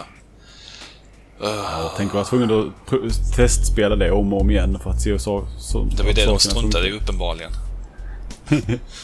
Ja. Ja, men Eh. om vi går tillbaks till Mega Drive- eh, av Worms. Vi har ju lite skillnader. Vilket gör att Mega Drive-versionen av Worms inte är en så jättebra version i sig. De har nämligen plockat Mm. bort fyra olika eh, vapen eller objekt. Bland annat Ninja Rope, Girder, Mines och Homing Missiles finns ju inte med i Mega Drive-versionen. Men repen som är så viktiga för Worms. Ja, Ninja-repen är ju bland det mest viktiga verktyget man kan ha. Och det finns Ja. inte med. Var, var, var det någon form av eh, programmeringsteknisk anledning? Eller vad tror du kan ha orsakat? Alltså, Det, det måste ha varit det. Jag har tyvärr inte hittat någon info om varför de plocka bort och de... att det var så, svårt att liksom programmera rep. Att, att det rörde. Alltså, för repet är ju väldigt att det, det svingas ju sådär. Men det är ju mycket spel som gör den typen av... Fast det kanske är mer förbestämt vad saker som svingar i andra spel gör. Mm, antagligen har det haft någonting med det att göra. Att man kan inte ha frihet. För att de har ju även plockat bort eh, genereringen av banor. Du har alltså inga slumpade banor i denna versionen. Nej, så, så alla banor är, finns, det finns ett visst antal. Ja. För det var ju också en grej som var kul med, med Worms. Att det, här, att det slumpade fram banor hela tiden och att man alltid fick olika spelplaner. Ska vi förklara hur Worms ser ut först kanske för de som inte är helt insatta i vad Worms är Ja, det ser ut som en myrfarm. Om ni vet vad det är Ja. för något. För att förklara det också. Man, man ser alltså från sidan en, en, liksom en, Eh, en terräng. Ja, ett område av terräng. Och det, längst ner så är det alltid vatten på den här banan. Ja. eller området. Eh, sen använder man sina vapen för att skjuta sönder maskarna och när de vapnen sprängs så förstör de även terrängen. Och då, tack vare detta så kan man gräva sig igenom terrängen och ta sig ner och in i berg och allt möjligt. Ja, och runt och omkring. Och, eh, ja, precis. Det hoppas jag räcker som förklaring. Men, eh, ja, nej, men det, är- det är lite tråkigt när... För lite av grejen med Worms är just det här med att random... eh, Ran, slumpvis... Re, helvete. Genererande banor. Gener... ah, shit, orden funkar inte idag. Jag är sönder. Eh, ja. ja, det är det som är lite av charmen med Worms. Och att spela med andra, med vänner på. Man spelade, då, fick man ju spela, det var inte online direkt på den tiden. Så man satt ju vid samma skärm och spelade mot varandra. Hotseatade liksom. Och... En, en annan rolig sak är att Mega Drive-versionen på omslaget har en symbol för stöd för flera kontroller. Men spelet har inte stöd för flera kontroller. Nej, okej. Okay. Det är lite spännande. Är lite kul. East Point Software. High five. Ja. Ja, eh, vilket är ditt favoritvapen från Worms då? Och i original Worms så är det Cluster Grenade. För det är enda spelet där Cluster Grenades är vettigt vapen. Jaha. Ja. Men den är ju alltid bättre än vanliga granater ändå. Ja, men vanliga granater har ju större sprängvidd på just där granaten sprängs. Det har ju inte Cluster Grenade. Mm. Men skillnaden är att... Jag, min, jag minns faktiskt inte riktigt vilka vapen som fanns i originalversionen om jag ska vara helt ärlig. Men... Ja, det var ju, eh, ska vi säga, bazooka, grenades, cluster grenades, fire punch, dragon punch. Eh, nej, fire punch, eh, dragon ball. Ehm, eh, fåret fanns ju gömt, bananabomb var gömd. Eh, ja, och sen har du ju eh, Ninja-repet, Girder, Mines, Homing Missile, de plockade bort i Mega Drive-versionen. Eh, mm. Vad har du mer för något? Det spelar inte Ja, du har ju Teleport och Prod då. Ja, precis. Men det är ju ett suveränt spel. Det är ju ett spel som uppger så många situationer för skratt och ren ondska. Just ja. det här att när man kastar en granat fel och att den studsar tillbaks på en själv. Eller att det blir helt slumpat hur granaten landar efter att ha träffat en bergskant. Eller missilen som påverkas av vinden och... Eller rocket launchen rättare sagt. Ja, det, det finns så många faktorer som gör det spelet så jäkla bra. Ja. Och sen, samtidigt så har det tyvärr gjort att Team 17 har blivit en Worms-fabrik också. Mm. Det är så konstigt. De släpper ju nästan ett nytt Worms-spel varje år. Och det är nästan samma spel, bara de släpper om och om igen. Jag förstår inte hur det kan Jag bli tror tyvärr bara att de ser pengarna för, i dagsläget. För det har kommit ett Worms 3. Worms Revolution kom innan det. Och det kommer ett nytt Worms för, i år säkert. Och det, snart kommer det ett i början av nästa år. Och de är ju... De är likadana. Jag vet inte riktigt varför de... Ja, det är pengar såklart men... Man kan inte beskylla dem för att de maskar i varje fall. Men sen så är det väl lite, de, de är också en... De är, förutom det så är de ju, de, de ger ju ut andra spel också. Det är väl kanske en större del av deras verksamhet än att vara spelutvecklare nu för tiden. Ja, var det inte de som släppte förspelet som var en Lemmings-klon? De var så stolta jo. över att ha gjort ett helt ny, nytt eget IP och sen är det bara en Lemmings-klon. Ja, precis. Ja, det var ju också lagom harvat. Var det inte Worms-skaparen som hade gjort det? Flockers? Det, nej, det kommer inte jag heller ihåg. Nej, vi får väl traska vidare. Ja, vi tar och lyssnar på nästa låt helt enkelt.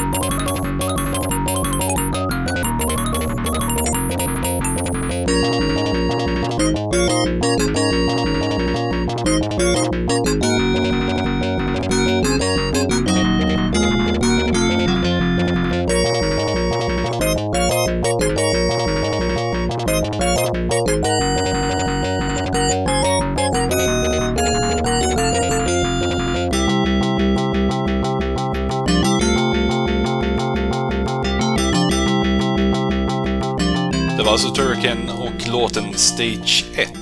En av de mest berömda låtarna från Turrican. Eh, jag vill bara säga att Turrican är ju faktiskt inget Amiga-spel. Det är ett Commodore 64-spel. Ja. Och eh, ja, rent krasst så borde det inte varit med i den här listan. Nej, men eh, det är väldigt känt. Till just Amiga. Till Amigan. Det var väl så vi... Vi tänkte på det från början. Ja, det släpptes i alla fall 1990 till båda formaten så... Ja, 91 till Mega Drive. Det, det är ju många som eh, säger att Commodore 64-versionen är den bästa versionen också. Mm. Jag har aldrig spelat det på... Jag, bara, jag har spelat det på både eh, Amiga och eh, Mega Drive, men aldrig på Commodore 64. Varför skulle den vara bättre på eh, C64? Ja, jag, jag vet faktiskt inte. Det är, det är väl bättre flyt eller något, eller bättre bandesign. Med tanke på omständigheterna. Ja, det utvecklades av Rainbow Arts till C64, eh, Fac- Factor 5 på Amiga och eh, The Code Monkeys på Mega Drive. Mm. De är de var en rolig studio. De har gjort andra höjda spel som Tomcat Alley och Surgical Strike till Mega CD. Varför nämna två Eh, höjda Ra- spel? Rainbow Arts släppte det själva på alla datorversionerna medan Accolade som vi pratade om tidigare släppte konsolversionerna. Mm. Jag har ju en Ballistic-utgåva av eh, Turken till Mega Drive. Mm. För att knyta samman med tidigare benämnda, eh, benämnda situation mellan Accolade och Sega. Ja, precis. Jag har lite kort Rainbow Arts historia. Ja, men kör på Stefan. Eh, De grundades 1984 i tyska Gütersloch eh, Eh, av Mark Ulrich eh, och köptes senare upp av Funcom och absorberades in eh, av THQ 1990. Ja, under 90-talet lämnade många av företagets kreatörer för att starta egna studios som Blue Byte och Spellbound Entertainment. Och man är väl egentligen förutom Turrican mest kända för The Great Ghana Sisters från 1987.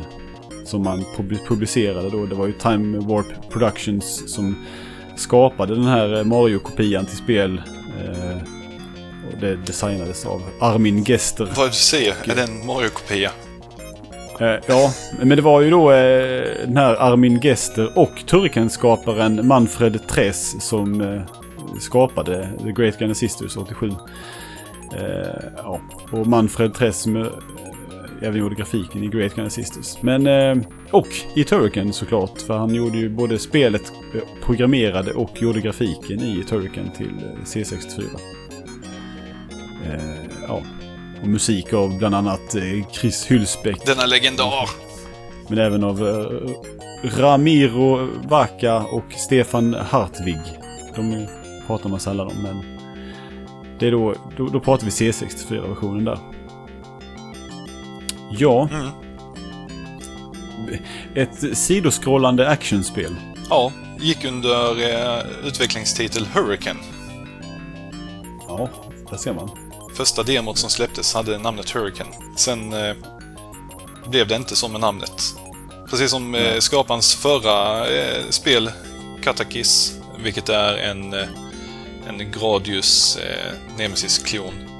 Så hi- hittade han namnet i en telefonkatalog. Ja, Jaha, Så, Okej. så Turrican är alltså egentligen baserat på namnet Turcano, vilket är ett italienskt efternamn. jaha. Jag hade ingen aning. Det var lite kul. Ja, lite fakta bidrar jag också med. Jättebra. Jättebra. Nej, men sen... Eh, eh, från början ville han ju att det skulle heta Hurricane. Men sen eh, tyckte de inte riktigt att det passade ihop. Men eh, spelstudion hade gått med på det. Så att, ja men Ja. nu, nu kör vi med Hurricane. Och nästan innan det skulle släppas så eh, hittade han det här i telefonboken, katalogen, enligt eh, legenden. Och eh, tänkte, ja men det där är ju fasen så mycket bättre namn än Hurricane. För det, det är inte en hurrikan. Utan han Nej, är ju en Turrican. Ja, precis. Ja, det är så dumt. Jag har eh, storyn ur manualen här. Kör på. Prologue. Eh, eh Jag ber ursäkt här, jag är fortfarande helt yr av förkylning. Men eh, A story of times long gone by tells us of the three-headed Morgul who lives a secular, secluded life in his kingdom. This Morgul is the cause of all the fear, all the fears and nightmares of mankind. It is furthermore said that in ancient times he was banished to an unknown dimension by the hero Eh, Devolon. Fear and sleepless nights disappeared out of people's lives. Ja, det här är första delen då. Gisses vilken kass story. det, det känns verkligen bara som de har, ja men vi tar någonting här och så blir det bra så. Så, nu kör vi. Och det låter som någonting från en, en fantasy-story. Fast det är typ sci-fi-miljö i spelet sen. Ja, jag fortsätter. Eh, For some time now people have again been tormented by nightmares and suffered from a serious state of dread and fear. Hardly anybody dares to set a foot on the streets at night, and a dreadful fear that Morgul has returned to his kingdom is alive in the people's minds again. As the only man who, on earth whose courage has not yet deserted him, you are sent off once again to free humankind of its burden of fear. You have been armed with the latest weapons and technical equipment for this mission. Find Morgul in his kingdom and destroy him once and for all. Ja, där har vi det klart och tydligt. Ja, gisses alltså. Vad kast. Ja, det, Vad är, alltså, det är någon konstig varelse som gör att folk får mardrömmar och som bor i ett, i ett eget eh, kungarike. Eller att han bara är deras värsta mardröm. Ja, att, att de är rädda för honom, är det därför de får mardrömmar då eller? Men de, har, de, de, de, verkar, de vet ju inte om han har kommit tillbaka så varför skulle de börja få mardrömmar? Jag vet inte. Jag vet inte om de me- mer menar att personen, alltså att det är som deras värsta mardröm. Att det är den situationen, inte att det är en mardröm. Ja, men han är ju the cause of all fears and nightmares of mankind. Och när han, Ja, jo, men precis. Alltså Nightmares i detta fallet eh, behöver inte betyda mardrömmar i sig. Men om alla vet att han blev banished to an, another dimension här som det står så borde de ju liksom och slutade drömma mardrömmar och sen började de drömma mardrömmar igen utan att veta att han har kommit tillbaka kanske. Typ. Nej, men de kan ju använda alltså, mardrömmar som eh, eh, situationen att det är som en mardröm. Det är inte att det verkligen är en mardröm. Utan att Ja, det är så pass illa så att det skulle kunna vara en mardröm. För att situationen... Ja, jag går väl med på det. ja, ja, ja för fan. I alla fall, det här var ju precis lite som Gods, ett spel som jag så startade ofta på Amiga men aldrig kom någonstans i. Så, eh, här då när vi streamade under eh, för, förra helgen, eh, eller vad det var, jo det var det, så tänkte jag att jag ska testa det igen och verkligen försöka. Det, det var inte länge du försökte där. Nej, åh jag dog och jag dog. Och det är så svårt. Ja, första banan är ju den absolut svåraste banan i hela spelet i stort sett. Så Man, har, man kan skjuta, håller man in skjutknappen så skjuter man ut en stråle som snurrar runt. Ja, som du kan styra i olika riktningar. Och sen kan du väl liksom få olika typer av vapenuppgraderingar, typ alla Kontra, kontra. Probotector, ja. Ja, sådär att man liksom får spreadshots och grejer. Du kan rulla ihop det till en liten taggig boll också, precis som Metroid. Ja, det är ju jättemärkligt. Att de är jättetaggiga. Det blir inte så mycket en boll som mer som en Kaststjärna. kaststjärna, ja. Det ser jätteful ut faktiskt. Det, Eh. Den är väldigt eh, vettig i områden som du inte använder den alls på när jag sa att du satt och spelade.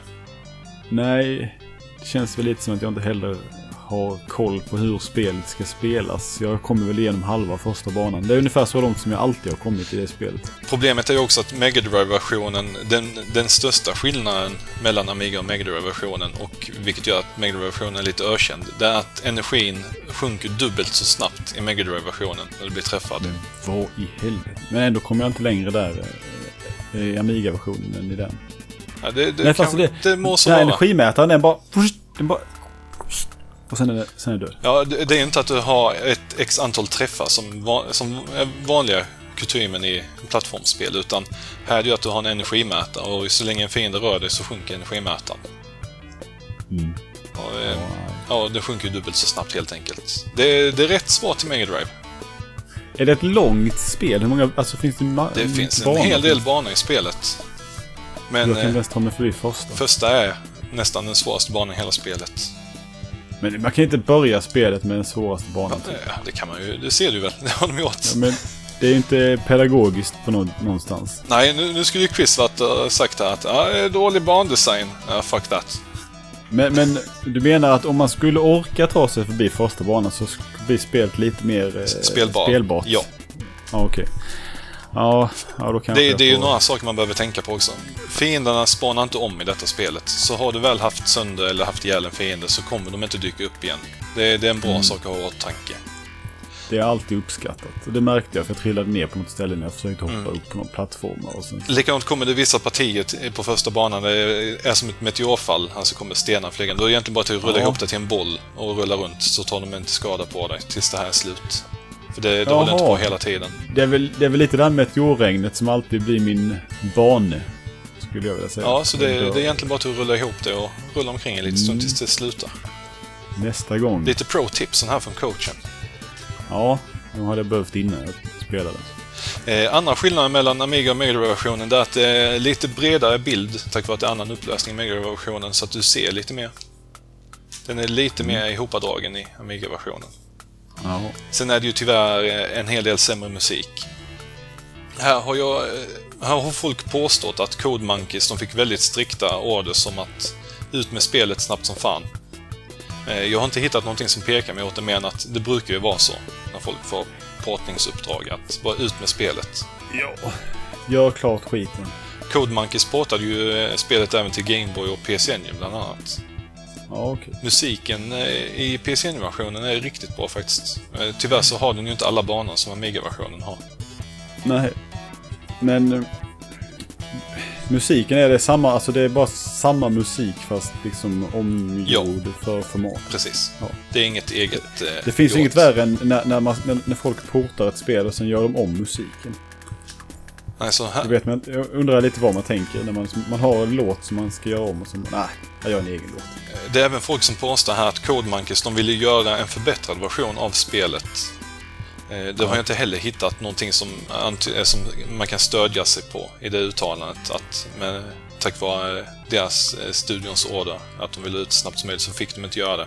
Utan var tvungna till att göra en väldigt bare-boned konvertering, eller portning av det hela. Ja, det är sällan som alltså, alltså portningar är annorlunda eller förbättrade versioner av... Ja, de, de vill ju kanske inte så mycket förbättra, men verkligen mer utnyttja Mega Drivens egenskaper och göra vettigt, alltså mycket bättre soundtrack och mycket bättre eh, grafik och hantering av grafiken. Mm, det, det blev det ju inte, tyvärr. Nej. Så eh, eh, ska man spela någon version av Turrican så rekommenderar jag faktiskt originalversionen. Eh, 1991 släpptes ju uppföljaren Turrican 2 The Final Fight till C64. Också utvecklad av Rainbow Arts och Amiga-versionen gjordes av Factor 5 där. Men eh, Amiga-versionen var klar före C64-versionen men eh, Manfred Tress han anser ändå att C64-versionen är originalversionen av det. Ja, såklart. För den, det var den som utvecklades först. Det är märkligt att, att de blev klara med portningen före Ja, men det, spelet som portas. det är nästan likadant med James Bond 2. Där började de ju, på Amiga-versionen så fick de ju strikta order som att nej men eh, Mega Drive-versionen, kör den först. Ja, det är märkligt. Eh, ja, Turrican 2, det släpptes faktiskt också till Mega Drive. Fast det heter Universal Soldier.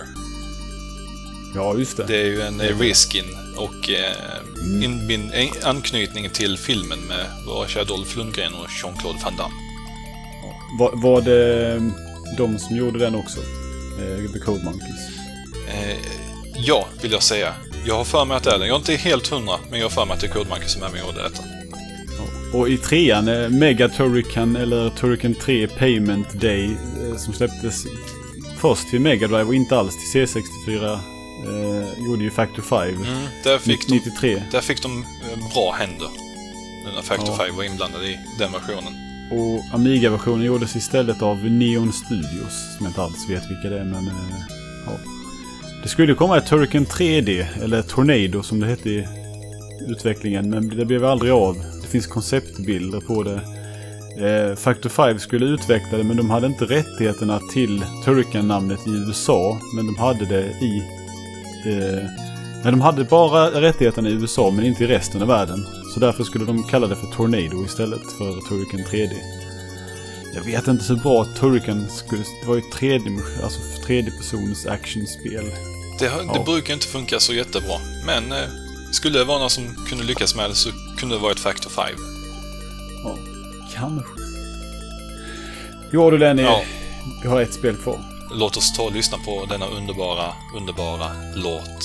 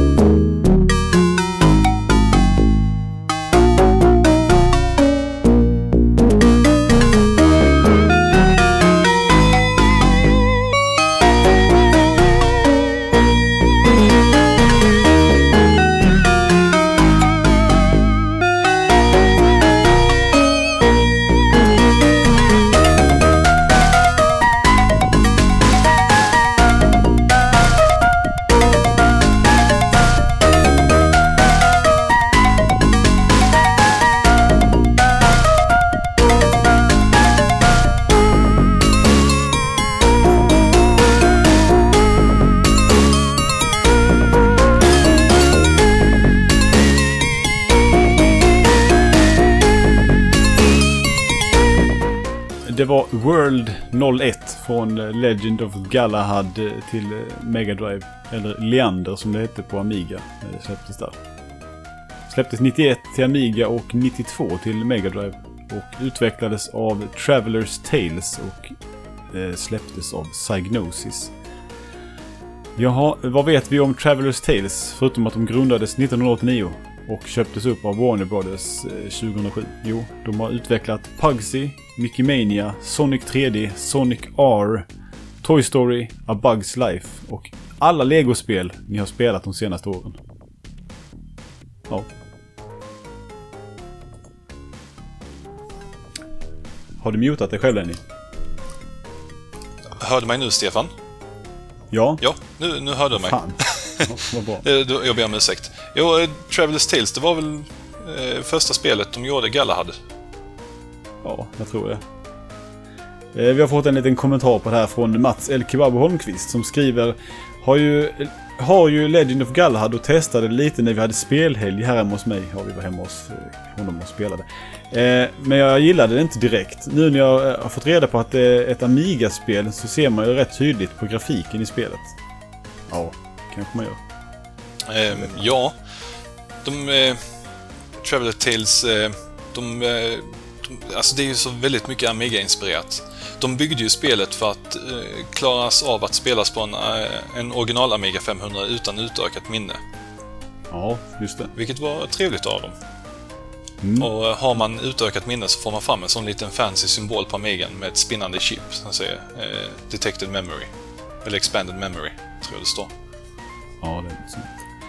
Eh, det designades av Andy Ingram och John Burton som också tillsammans hade gjort eh, Pugsy och Mickey Mania. Mickey Mania till ja, Playstation och Super Nintendo bland annat. Eh, Burton har ju också, är ju också han som har gjort alla de här jävla Lego-spelen som har släppts på senare år.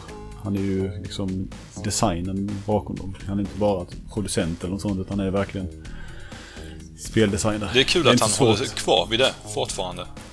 Ja, för många blir ju liksom producenter och mer så här eh, guidar andra i teamen liksom. Men han har verkligen stannat kvar i designandet av spelen. Eh, det är väl ett action-plattformsspel, typ? Ja, lite, lite pussligt emellanåt, men eh, generellt sett så är det ju primär action.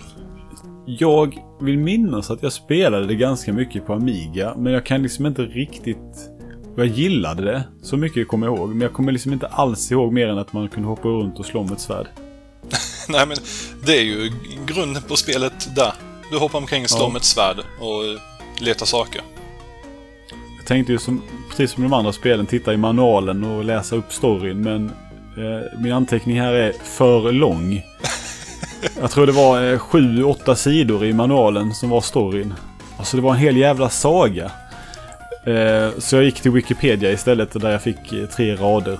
Eh, the player assumes the role of the legendary knight Leander um, through three sprawling words, each composed of seven levels, to defeat the evil wizard uh, Thanatos and rescue the princess Lucana. Ja, det var lite bättre än den där djävulen vad det var rena sagoberättelsen. Eh, Leander, som är en av huvudkaraktärerna i den grekiska mytologins saga om Hero och Leander. Eh, Medan då Galahad är ju Sir Galahad från eh, ja, kung Arthurs riddare runt det runda bordet. Mm. En av de killarna. Så de bara bytte ut liksom vad det var för någon typ av Jag, jag, karaktär. jag tror att de gjorde för att Galahad är lite mer känd. Ja, Just i Europa också. Där, men rent utseendemässigt ser ju karaktären mer ut och skulle kunna passa in i någon grekisk mytologi. På något vis. Han ser inte ut som en eh, brittisk eh, riddare. nej, han är inte... Nej, nu ska inte jag säga någonting hur han ser ut. I så fall. Ja, han, han ser inte så jävla häftig ut i alla fall på hur man än ser på det. Han ser inte brittisk ut, så mycket kan vi säga. Nej. Men eh, introt är coolt. Ha, eh, när Leander slash Galahad springer med svärdet upp i eh, huvudhöjd mot en drake och sen så här lite anime manga-stuk med bakgrunden som scrollas förbi i streck och när han rör sig framåt och sen kommer drakhuvudet i en egen bildruta och gör likadant och sen kommer en scen där Galahad, Galahad Leander höjer svärdet i, i, till skyn i, i, där han vunnit över draken slaget. Det börjar så häftigt. Ja. Det börjar så häftigt. jävlar. Sen är det egentligen bara till att starta spelet. Ja. Och ja, så att man hoppar runt och hugger lite. Det, det är så jättefint animerat spelet. Galahad Leander går så jäkla fint och när han slår med svärdet så han hugger så här från sidan istället så det blir nästan som ett, eh, ett strider-hugg. Man, man bara ser klingan vina Ja, till. svepet. Ja, Jag, tror, jag tycker det här svepande hugget borde nästan vara standard i alla spel har svärd. För det, det ser häftigt ut. Och det känns liksom... Det går snabbt och precis på något vis. nackdelen är att hitboxen här är ju inte alls bra. Utan just med svärdet, det är verkligen bara själva toppen på det som fienden tar stryk av. Det är ju lite kast. Det, det är lite jobbigt och eh, Man vill det tar tid hela- innan man vänjer sig vid den här mekaniken. Speciellt om det är ett svep med svärdet så borde ju hela liksom svepdelen... Man kan ju förstå nästan om, om man, han stöter med svärdet så hade kanske spetsen Varit mer logiskt, men Ja, nu har man ändå ett ibland, svärd. ibland undrar man hur- hur de tänkte när de gjorde spel förr i tiden. För det finns så mycket konstiga beslut i vissa spel som man... Man tänker, ja... Ville ni att gubben skulle hoppa så här kast? Eller? Ni ville inte att man skulle kunna styra eller kontrollera karaktären ordentligt? Eller vad... Det kan inte ha varit så svårt att bara ändra lite parametrar för att det skulle vara lättare att spela spel Mm. ibland. Och det är ju en sån där grej. Varför är det bara spetsen på svärdet som Nej, gör skada? utöver det här, själva grafiken är väldigt enkel men funktionell. Eh, I Mega Drive-versionen har de lagt till en helt underbar, underbar parallax-scrollning i bakgrunden när, eh, på första banan, när man ser vattnet i de olika nivåerna parallax-scrolla mot varandra. Det är alltid vackert Åh, när parallax-scrollar vatten. Det, det finns tyvärr inte alls i Amigan och det ser så jäkla fint ut. Men man ser knappt det i Mega Drive-versionen. Det är bara... Men var, var Mega Drive, Mega Drive bättre på parallax-scrollning än Amiga? Ja, det var den. Du, eh, rent generellt så om du inte gjorde några riktiga tekniska underverk i programmeringen till Amiga så kunde du framställa det lättare tack vare Mega Drivens eh, grafikchip. Ja, okej. Aha. Ja, ja. Mm. Ja, men själva spelet går ju ut på att du hoppar omkring med Galahad Leander på en plattformsbana, eh, letar upp ett föremål som krävs för att öppna utgången på varje bana. Sen, eh, vad, vad är det, var annan eller var tredje bana så får du tillgång till en affär där du kan köpa bättre rustning och bättre svärd och även... Så, sånt är Magi. alltid uppskattat när man kan liksom köpa lite grejer. Det är liksom lite extra. Det ger lite extra motivation till varför man ska göra det här samlandet. Ja, för tar vi då till exempel James Pond 2 där man ska samla massa skit som bara ger en high score helt i onödan. Så är det ganska mer, precis som i Gods också, att du samlar de här jävla kristallerna och sånt för att du ska liksom kunna köpa saker. Sen då, då vill man ju liksom leta efter de här, inte bara ta dem för att de finns där. I vanliga fall skiter man ju totalt i det. Jag, jag är lite sån att jag ofta tar sånt för att det ligger där. Att jag har svårt att liksom bara lämna det bakom mig. Även om det bara ger en jävla high score så måste jag ge mig efter olika mynt och skit i spel. Och det är ju... Nej, men som sagt när det, när det finns en anledning så känns det nästan bra samtidigt som man plockar upp och tänker nu, nu har jag mer pengar. Jätte, jättebra. Ja, Nej, det, jag gillar verkligen det här spelet jättemycket. Det var ett spel som jag skaffade när jag var liten och alltid spelat jättemycket och klarat av. Det, det är så enkelt och det är så charmigt och det är så fint animerat. tre världar med sju banor på varje Mm. alltså. Om jag förstår storyn rätt. Eh, Och sen soundtracket. Åh, soundtracket. Mm. Jag tror jag får låna det av dig och i alla fall testa spelet igen nu. För det var som sagt, jag kanske spelade 94, 95 någon gång senast. Det är ju... Det var inte det igår. tag- Nej, Det var tag inte igår. Nej, det är, verk- det är många av de här spelen som jag inte har spelat sedan dess. Så att, eh, och det känns nästan som vi i framtiden kommer göra en, en, en uppföljare på det här avsnittet. För det finns väldigt många spel till Amiga som fanns till Mega. Och det behöver inte just vara att de kanske släpptes först till Amiga. Mer att det är spel som fanns på Amiga och Mega Drive samtidigt. Ungefär den nivån. Det, det är ju ett väldigt brett eh, ämnesområde i detta fallet. Ja, så, så i framtiden så kan jag nästan utlova en uppföljare på detta med fler spel som fanns till båda. För att det, det var kul att kolla upp spelen och spela lite av de gamla spelen som jag inte har spelat på väldigt länge. Eh, ja, så det är så. Mm. Nej, utöver det så... Soundtracket är jag, jag älskar det. Det är skitbra. Och det, det är nästan som ett remixat soundtrack från Amiga-versionen. Det, det, är inte riktigt samma, men det är nästan samma. Fast eh, annorlunda. Och eh, det är mycket bättre animerat också i Mega Drive-versionen. Jaha, så de har förbättrat lite? Ehm, det, det mesta har de förbättrat. Det, det, finns tyvärr en nackdel och det är just att i Mega-versionen har jag för mig att eh, när man slår med svärdet står eh, Leander Galahad helt stilla med fötterna. Men i Amiga-versionen så är hans fötter också animerade, att de rör sig lite på sig. Men eh, utöver detta så är det bättre animationer på allting annat. Och det var ju Travelers Tales som gjorde båda versionerna så det kan helt enkelt vara att de kände att vi har ju redan assets nu så vi kan liksom vi kan utveckla det lite. Mm. Jaha du Lenny, vad ska vi prata om i nästa avsnitt då? Ja, vi tänkte väl hoppa på lite PC Engine. Ja, det blir alltså fem Hudson-spel till PC Engine. Och Hudson-spel här är då alltså spel som Hudson har utvecklat eller publicerat till PC Engine. Mm. Och eller. Och eller. Och listan lyder som följer. Jackie Chans Action Kung Fu. Eh, Bonks Revenge. Det finns på Virtual Console om man vill eh, köpa och spela det. Utöver på PC Engine i sig då. Eh, Neotopia. New Adventure Island och Shockman. Och alla de, de tre eh, sista där finns också på Virtual Console på Wii. Då, om man vill eh, spela dem och kommentera på dem. Eh, och kommentarer, ja det skriver ni på det här avsnittet på Facebook eller på hemsidan. Eller så mejlar ni till vår nya mejladress eh, pixelpolare eh, snabel a gmail.com. Oj, oj, oj. En ny adress.